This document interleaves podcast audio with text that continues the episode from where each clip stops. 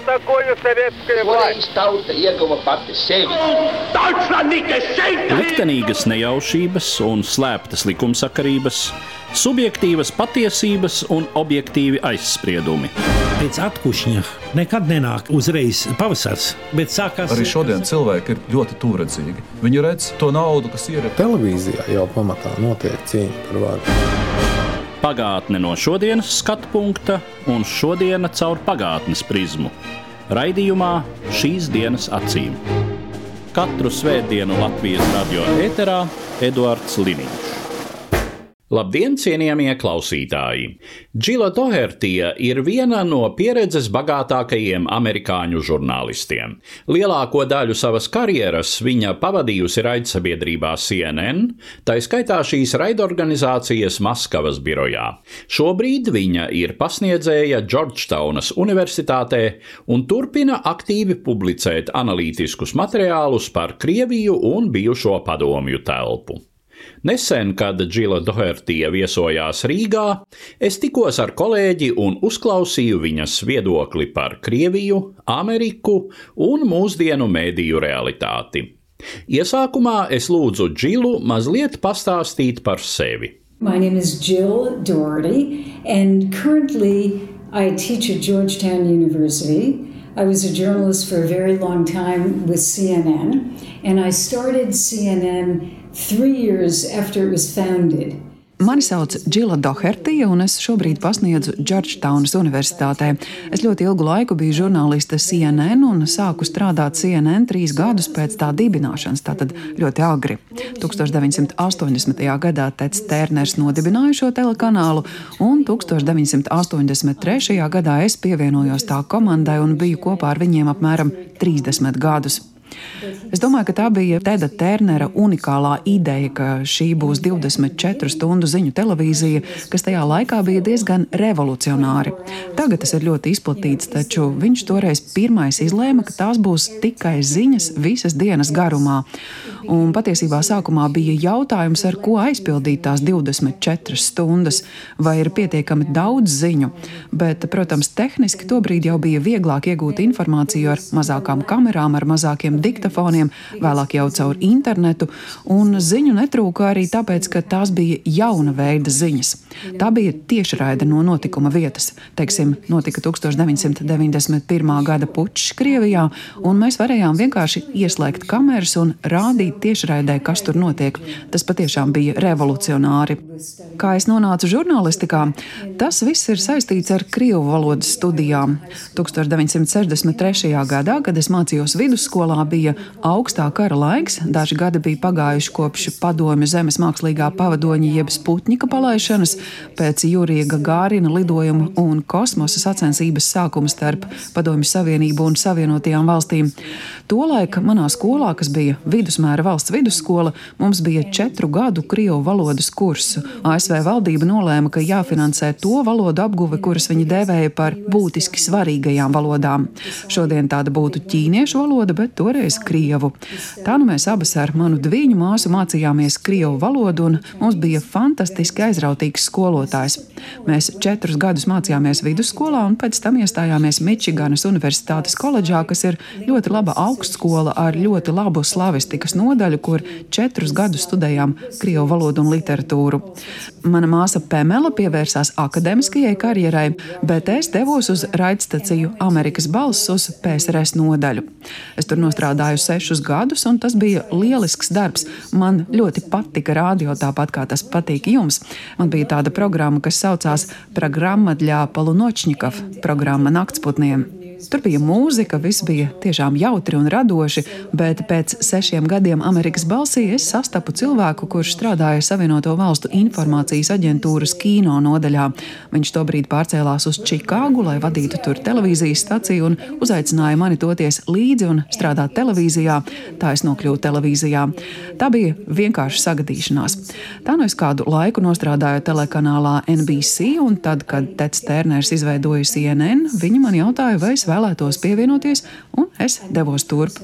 Es nedaudz pastrādāju CNN Čikāgā, pēc tam kļuvu par viņu reportieri Baltijā namā, tad par viņu biroja vadītāju Maskavā. Pēc tam es devos uz Āziju, uz Hongkongu, kļuvu par CNN Āzijas un Klusā okeāna reģionālā biroja vadītāju. Tad atgriezos Amerikā un strādāju par CNN korespondenti valsts departamentā. Man ir bijis patiešām daudz interesantu darbu. Kad jūs pirmo reizi ieradāties Krievijā, cik šokējoši bija tas, ko jūs pieredzējāt? Kādas bija jūsu izjūtas?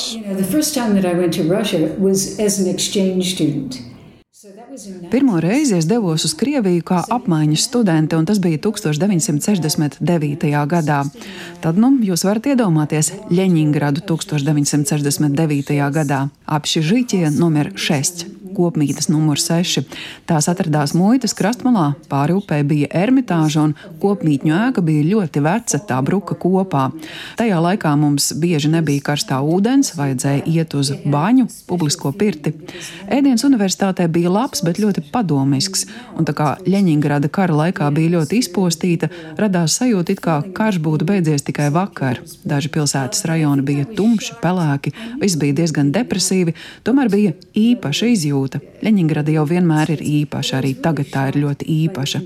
Bet es domāju, gan, ka biju šokēta. Es jau sapratu, ka nebūs savienoto valstu līmenis, bet biju patiesi šokēta, kādā stāvoklī te viss bija. Infrastruktūra bija slikta, viņu autobusi gan kustējās uz priekšu, bet bija sajūta, ka esmu atgriezusies 50 gadus senā pagātnē, un jo īpaši karstā ūdens un avīžu trūkums.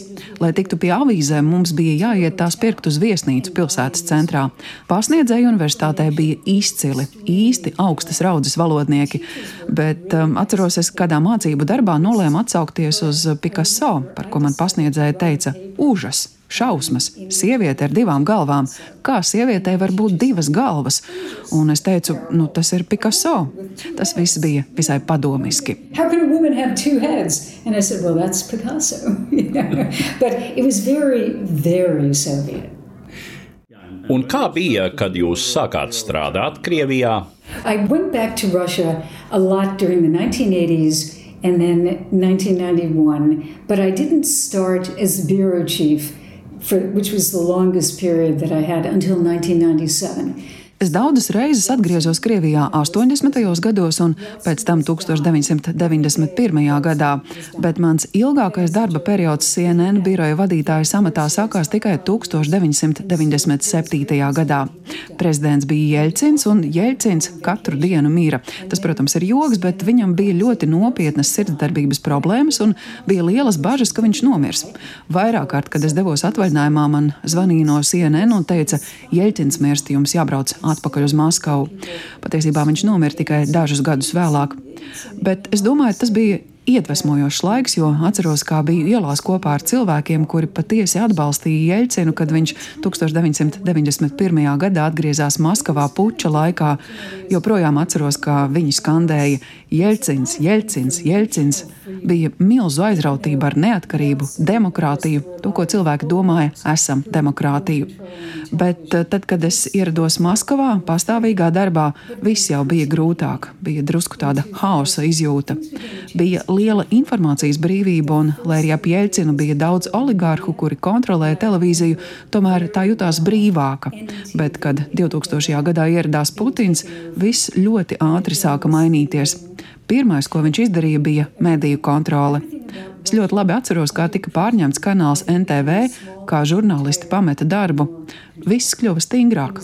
Putina Krievijā man šķiet, viss kļuva stingrāk, mazāk, kontrolētāk. Tā ir publiskās telpas sašaurināšanās tā, ka debatēm vairs nebija vietas. Televīzija tika pārņemta, vairs nenotika gubernatoru vēlēšanas, parādījās varas vertikāli, un tas, manuprāt, ir tas, ko mēs šodien redzam - vienkārši totāla kontrole.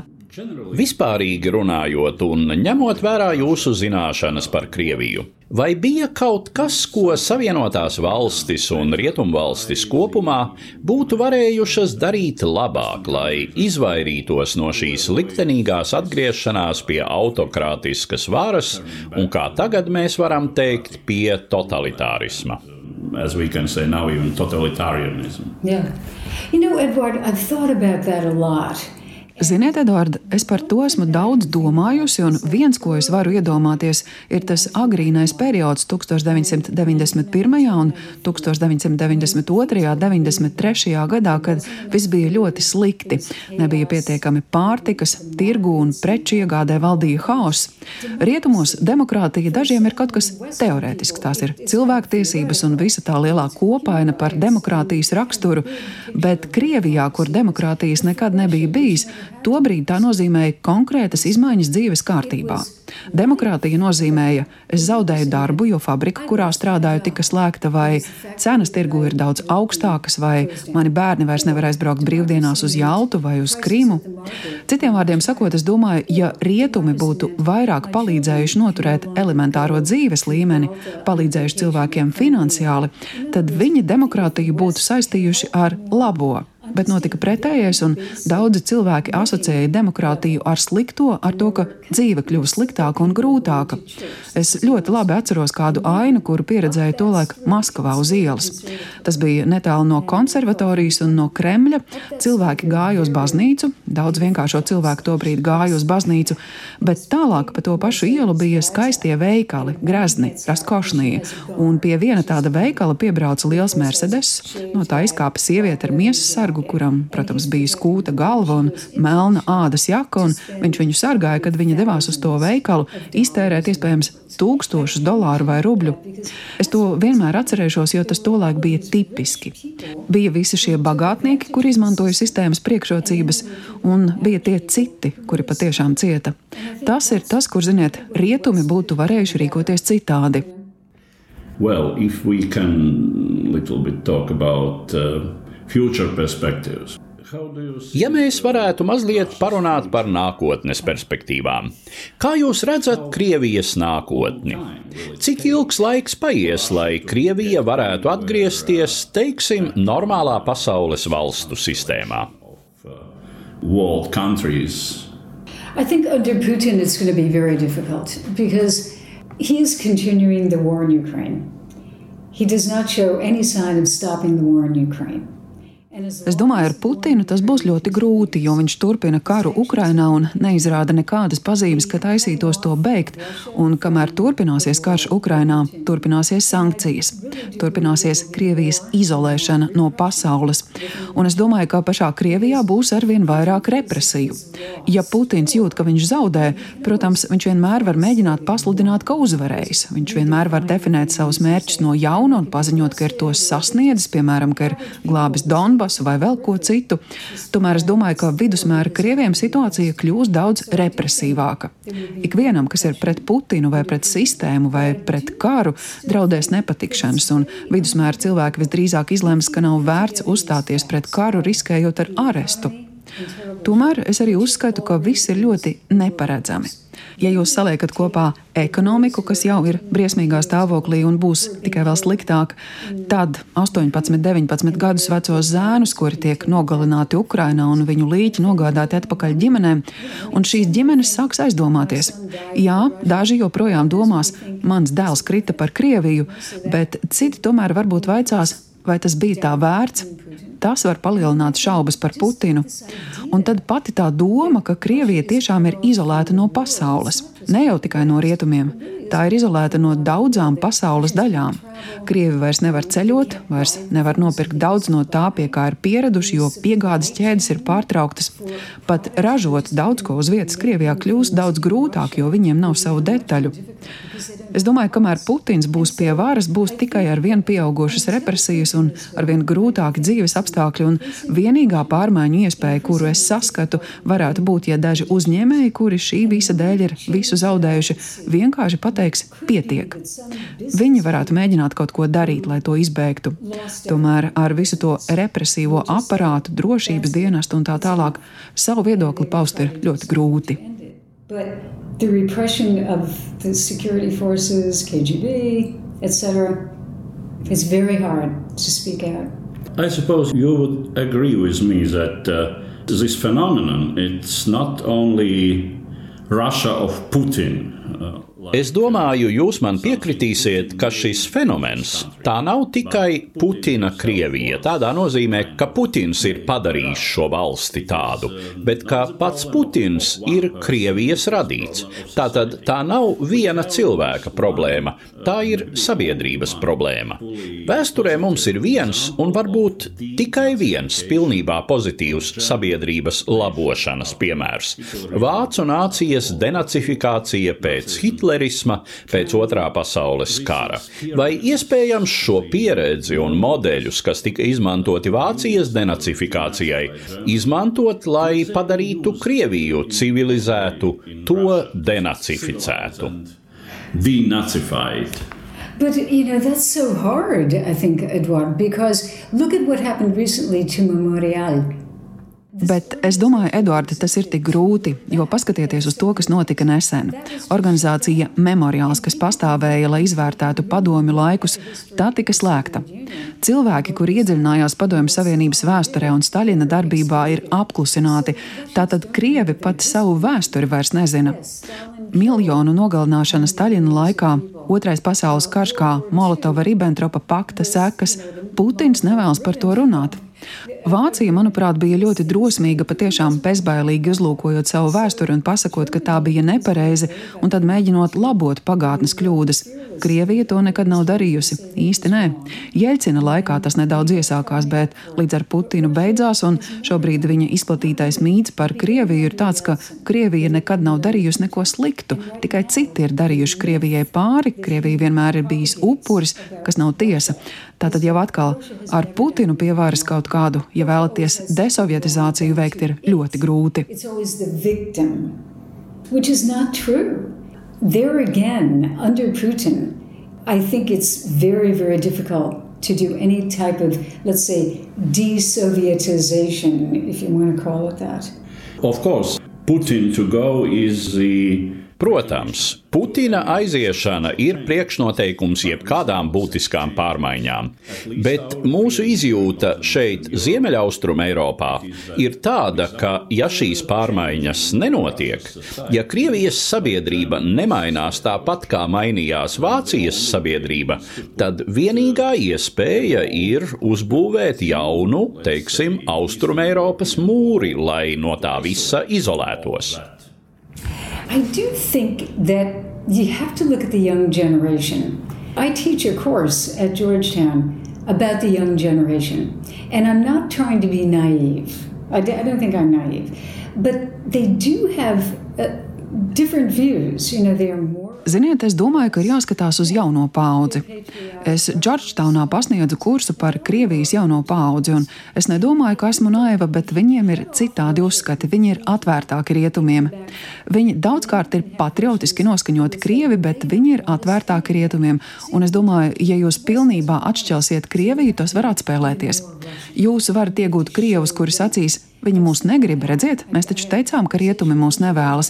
Tāpēc mums jābūt vēl krieviskākiem un mums vienreiz viņiem visiem jāparāda. Es esmu to pieredzējusi. Man Grūzijā bija saruna tieši par to, ka tur dažiem cilvēkiem ir izjūta, ja viņi mūs negrib, tad varbūt mums vienkārši jāaizmirst par to, ka esam daļa no rietumiem. Tāpēc es domāju, ir jāpasaka, ka lūk, šāda ir uzvedība, kādu mēs sagaidām Rīgā, Tallinā, Berlīnē un Ņujorkā. Tas ir tas, ko rietumi sagaida. Jūs nedrīkstat uzbrukt kaimiņu valstī, jūs nedrīkstat lietot kodolieročus, jūs nedrīkstat būt korumpēti un tā tālāk. Jums tas ir jānorāda, un tad jāsaka, ja jūs atbilstat šiem kritērijiem, jūs varat būt daļa no rietumiem. Ja nē, mēs jūs izolēsim ekonomiski un varbūt pat sociāli.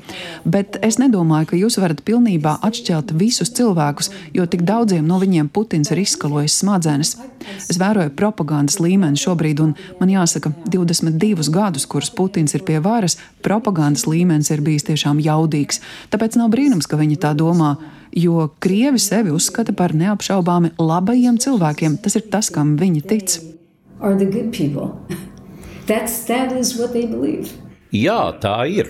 Un jebkurš cits viedoklis viņiem šķiet pazemojošs. Tādu koncepciju izvirza arī daži pat demokrātiski un liberāli domājoši Krievijas politologi. Viņi saka, jūs nedrīkstat pazemot Krievu tautu. Ja jūs pazemosiet Krievu tautu, tad tā cīnīsies līdz pēdējam. Tas izklausās tā vienkāršoti, bet tā, manuprāt, ir problēmas būtība. Mēs nevaram sagaidīt nekādas pārmaiņas, nepasakot Krieviem, ka viņi ir bijuši sliktie. You do have to tell them they're, they're bad, and I think to, they have to accept that. But Russians do not think of themselves as bad people.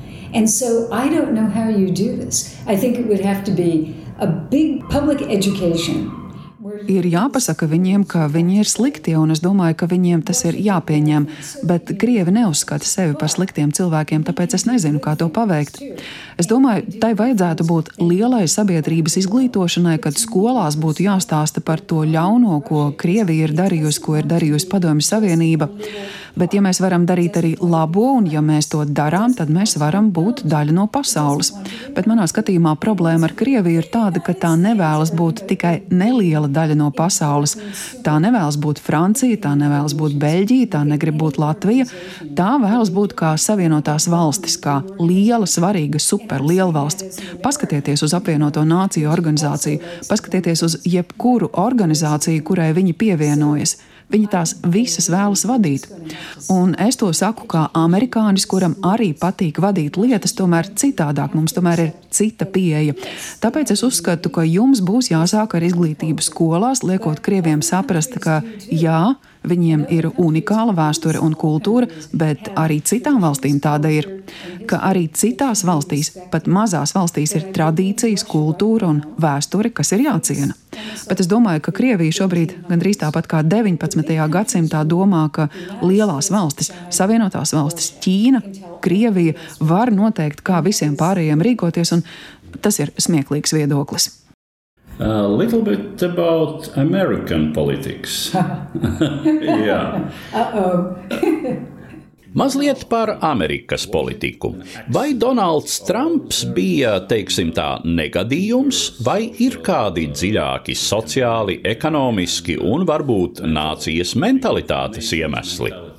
Reasons under that. Oh, it's so complicated because you know, why did he win and why did people vote for him? He remains because he may want to run again. Ak, tas ir tik sarežģīti, jo kāpēc viņš uzvarēja un kāpēc cilvēki par viņu balsoja? Es domāju, ka tas joprojām ir aktuāli, jo viņš var vēlēties kandidēt vēlreiz. Un es domāju, ka viņš būtībā ir autoritārs cilvēks, kurš ļoti labi izmantoja propagandu. Viņas spējas sakņojas televīzijas pieredzē.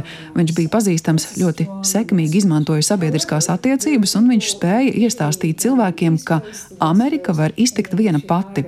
Šobrīd tas ir ļoti spēcīgs vēstījums tradicionāls. Tomēr ir cilvēki visvairāk austrumkrastā, rietumkrastā un varbūt Čikāgā, kuri domā citādi. Viņi domā vairāk kā eiropieši, ka mēs esam daļa no pasaules un mums nav pasauli jāpārvalda. Vēl Donaldā Trumpā ir kas tāds, par ko, manuprāt, daudzi nerunā. Viņš bija uzjautrinošs.